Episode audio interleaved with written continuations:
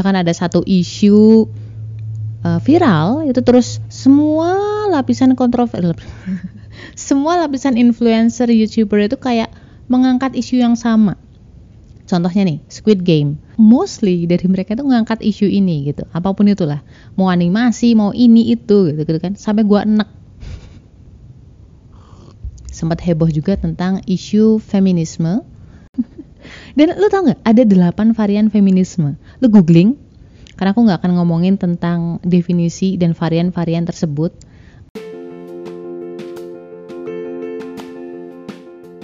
Assalamualaikum warahmatullahi wabarakatuh. Hai, ini Ria. Kamu lagi ada di podcast Self Healing, podcastmu yang sedang belajar berdamai dengan luka melalui psikologi Islam.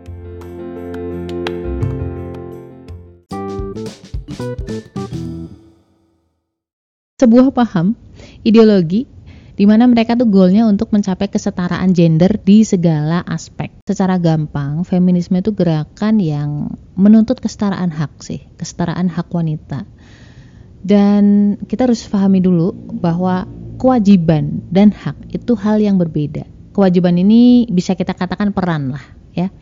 Kalau lu pernah sekolah di SD, ngece di SD kelas 1 atau kelas 2 gitu di pelajaran PPKN gue masih inget itu ada perbedaan yang jelas antara kewajiban dan hak. Kewajiban adalah hal yang harus kita lakukan wajib kita lakukan. Dan setelah kita lakukan baru kita boleh meminta hak kita. Itu ya. Jadi ini akan agak rancu karena banyak influencer-influencer itu menolak perannya mereka dengan bawa-bawa isu feminisme misalkan nggak mau nyapu lantai gara-gara bawa-bawa isu feminisme. Menolak punya anak nggak mau menikah dengan bawa-bawa isu feminisme. Sedangkan feminisme dari awalnya itu kan sebenarnya yang mereka mau adalah kesetaraan hak bukan kesetaraan peran. Ya kalau kesetaraan peran berarti kita jadi cowok cowok jadi cewek. Sama gitu kan. Misalkan kayak cowok banting-banting uh, tulang gitu. Nggak, nggak. misalkan cowok angkat-angkat galon naik-naik tower ya nggak cewek harus bisa. Ya cowok misalkan. Misalkan kayak uh, cowok disuruh untuk hamil gitu kan melahirkan. Iya nggak bisa kan? Karena memang secara faktanya cowok dan cewek itu beda. Fisik beda psikologis beda hormon beda kandungan beda ya nggak nggak bisa kalau disuruh sama semua yang cowok jadi cewek cewek jadi cowok. Kenapa sih Tuhan itu bikin kita beda? Karena disesuaikan dengan peran masing-masing. Kalau misalkan lu kerja di sebuah perusahaan itu kan ada yang namanya HRD ya nggak? Ada yang penjualan ada yang bagian produksi ada audit. Tiba-tiba mati lampunya. Kalau misalkan HRD menolak tugas mereka nggak mau aku mau kesetaraan gitu kan aku nggak mau jualan demi kesetaraan misalkan bagian penjualan ngomong gitu. Atau bagian audit aku nggak mau ngaudit. Aku mau kesetaraan semuanya. Ya nggak akan jalan perusahaannya Bambang. Seperti itulah dunia ini. Dunia ini kan sebenarnya organisasi yang lebih besar lagi kan? Ya kan? Dan pimpinan tertinggi kita adalah Tuhan. Yang percaya sih. Kalau yang nggak percaya bodo amat dah. Bukan urusan gue dan kita diperankan sebagai wanita. Dan laki-laki diperankan sebagai laki. Bener nggak Makanya onderdil onderdilnya itu beda. Kalau misalkan kita mencari kesamaan hak, sama-sama belajar, sama-sama ngaji, itu misalkan ya wanita itu dilarang, ya monggo. Itu memang harus haknya kita gitu. We, wanita di zaman dulu benar banget tertindas, landas. Ya bahkan di zaman sebelum Rasul, zaman Nabi Isya dan sebelum-sebelumnya di masa Eropa gitu, zaman dulu lah dulu banget gitu itu wanita memang tertindas. Kayak misalkan lu punya bayi laki-laki eh bayi laki-laki bayi perempuan itu tuh kayak aib gitu loh. Terus harus dikubur hidup-hidup. Itu ada kayak gitu. Bahkan wanita juga ada ketika suaminya meninggal dia harus ikut mati bakar diri. Ada kayak gitu. Nggak boleh menolak nggak boleh mengeluarkan pendapat, nggak boleh sekolah ya. Wanita itu sebagai objek pemuas nafsu laki-laki. Iya, itu di zaman dulu kayak gitu. Bener, serius. Mungkin di zaman sekarang juga ada, tapi entahlah di mana. Dan jangan salah, di zaman Rasul pun ada pejuang feminisme Islam. Siapakah itu? Banyak sih ada beberapa, cuman yang terkenal riwayatnya adalah Asma bin Yasid. Jadi pernah datang ke Rasul dan bertanya, Wahai Rasulullah, sesungguhnya aku adalah utusan bagi seluruh wanita muslimah di belakangku. Seluruhnya mengatakan sebagaimana yang saya katakan dan semuanya berpendapat sesuai dengan pendapatku. Sesungguhnya Allah Ta'ala mengutusmu untuk laki-laki dan perempuan. Lalu kami beriman kepada Anda dan membaiat Anda. Sementara itu, kami adalah wanita yang terkurung dan terbatas gerak langkah kami. Kami menjadi penyangga rumah tangga kaum lelaki dan kami adalah tempat melampiaskan syahwat mereka. Kamilah yang mengandung hak-hak mereka. Akan tetapi, kaum lelaki yang mendapatkan keutamaan melebihi kami dengan sholat Jumat, mengantarkan jenazah, dan berjihad.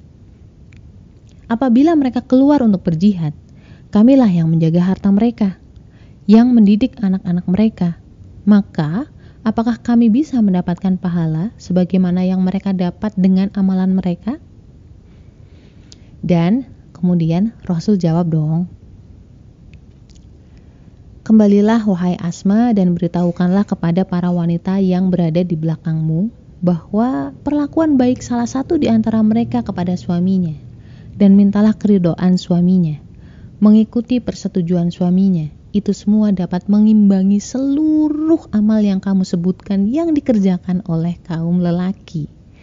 Dan Asma kembali sambil bertahlil dan bertakbir, merasa gembira dengan apa yang disabdakan Rasulullah. Sebenarnya tuh Asma tuh kayak ada keinginan untuk ikut berjihad gitu loh. Karena kan pahala jihad gede ya. Nggak dihisap gitu loh bro. dan setelah tahun ke-13 Hijriah, Rasul juga udah wafat sampai dengan perang Yarmuk Asma ikut berjuang bersama muslimah membantu mempersiapkan senjata, menyediakan minuman, mengobati muslimin yang terluka, dan kemudian dia juga memberi semangat. Jangan salah ya, dari zaman Rasul tuh udah ada isu kesetaraan gender tahu. 560-an Masehi. Kalau misalkan isu feminisme dari barat itu kan uh, tahun 1900-an lah. Kampus ini. Cuma bedanya gini guys kalau misalkan asma itu sudut pandang haknya itu bukan hanya dunia saja, Bro. Ya. Tapi lebih ke akhiratnya. Jadi yang dia minta adalah hak nanti di akhirat, pahala gitu loh, Bro. Itu yang membedakan antara kita sebagai orang muslim dan juga bukan. Sudut pandang kita ya akhirat, ya pahala dan ridho Allah kan gitu ya. Dan mereka ngomong itu berdasarkan ilmu, bukan egoisme semata. Taunya dari mana? Ketika Rasul bilang sesuatu menjawab Asma, itu manut gitu loh nurut bukannya ngebantah bukannya sok-sok ngeles ini itu bukannya merasa kalah. Allah tuh sayang banget sama wanita. Jadi Allah beri hak wanita melalui Islam. Itu kita bebas berpendapat. Bahkan Rasul itu sering ngobrol dengerin Bunda Aisyah Bunda Khadijah dan istri-istri beliau yang lain. Allah beri peran wanita itu sebagai penerus generasi Allah beri peran wanita sebagai apa ya sarana untuk mengantarkan apa sih makhluk gitu loh insan. Roh-rohnya dari Allah itu dititipkan lewat kita gitu loh. Roh ya nggak cuma ngomong sperma ini roh. Wajar lah misalkan dunia barat nggak akan mengenal itu karena dunia barat tidak percaya tentang roh. Allah beri peran kita itu mendidik generasi islami. Dan belum tentu ya laki-laki tuh bisa memerankan itu gitu loh Tahu gak sih, banyak cewek bisa mencari nafkah, tapi belum tentu loh, belum banyak cowok yang bisa di rumah ngasuh anak, didik anak, sabar, terus melakukan semua pekerjaan-pekerjaan 24 jam itu. Makanya kan alokasi kita apa coba? Hari libur setiap bulan. Menstruasi. hari libur untuk ibadah. Dan hari libur itu kita tetap dapat apa namanya pahala yang terus mengalir tahu nggak walaupun nggak sholat nggak puasa ya nggak itu saking baiknya Allah. Kayak kita tuh dikasih cuti tahunan dan tetap digaji. Wanita itu punya empati lebih besar. Memang secara hormonal dan psikologisnya begitu cuy. Rasa welas asih yang lebih besar dibanding pria. Mengajari anak-anak kita tentang kasih sayang. Mengajari orang lain tentang sifat Allah ar-Rahman dan juga ar-Rahim. Dan buat gue pribadi sebagai seorang ibu uh, merasakan cinta kasih seorang ibu ke anak ya anak dan ibu itu masya Allah buat gue. Itu kayak gue nggak pernah sangka loh ada yang namanya hubungan sedekat itu antara ibu dan anak. Dan bukan hanya itu Allah kasih kesempatan kita mendapat pahala sama dengan pahala jihad walaupun kita dari rumah walaupun sholat kita tuh di rumah aja gitu loh.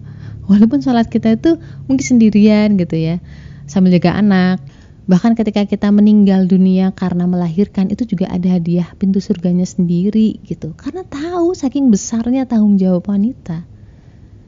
Dan Allah kasih kita tiga kemuliaan lebih dulu dibanding laki-laki ya kan? Siapa yang kalian hormati? Ibumu ibumu ibumu baru ayah. Coba apalagi sih yang kita tuntut? Makanya gue kadang-kadang heran ya sama influencer-influencer yang kata aja muslim itu. Gue nggak paham deh sebenarnya yang mereka tuntut itu haknya atau perannya? Yang mereka tuntut hak kesetaraan dalam apa? Sudut pandang apa dulu nih? Karena menurutku di Indonesia aku punya hak yang sama. Bekerja juga enak ya. Terus belajar juga bebas. Berpendapat juga bebas gitu. Bisa masuk DPR apalagi? Semua itu kan hidup di organisasinya Allah nih, organisasi langit ya. Kalau di sebuah perusahaan kita menuntut hak, itu kan nuntutnya ke bos kita, pimpinan tertinggi, ya nggak? Kalau kita menuntut hak dan pimpinan tertinggi kita adalah Allah, berarti kan kita nuntutnya ke Allah. Allah itu udah ngasih kita hak melebihi apa yang kita mau gitu. Gue nggak mau tuh kalau disamain apa ya namanya, disamain dengan laki-laki Serius, karena kadang-kadang kita tuh bisa lebih loh dibanding mereka. Serius nih. Belajar kita bisa. Ada yang lebih pintar dari laki-laki. Mencari nafkah kita juga bisa. Tapi laki-laki kalau disuruh megang anak, belum tentu bisa. Sejam aja anaknya udah nangis-nangis. Konklusinya adalah ketika ada orang ngomong tentang ini itu, lu riset sendiri, cari sudut pandang yang gak hanya ngomongin tentang dunia, tapi coba cari sudut pandang dari sisi akhirat karena zaman sekarang, seperti Rasul bilang, di akhir zaman itu banyak orang nggak paham apa yang mereka omongin, tapi banyak orang yang percaya, banyak orang yang ngikutin. Berdoa dan berserah, minta ditunjukkan yang benar itu benar dan ditunjukkan yang salah itu salah. Apa pun masalahnya, ingat jangan dipikul sendiri. Ada Allah dan Allah tuh sayang banget sama kita. Stay love and assalamualaikum warahmatullahi wabarakatuh.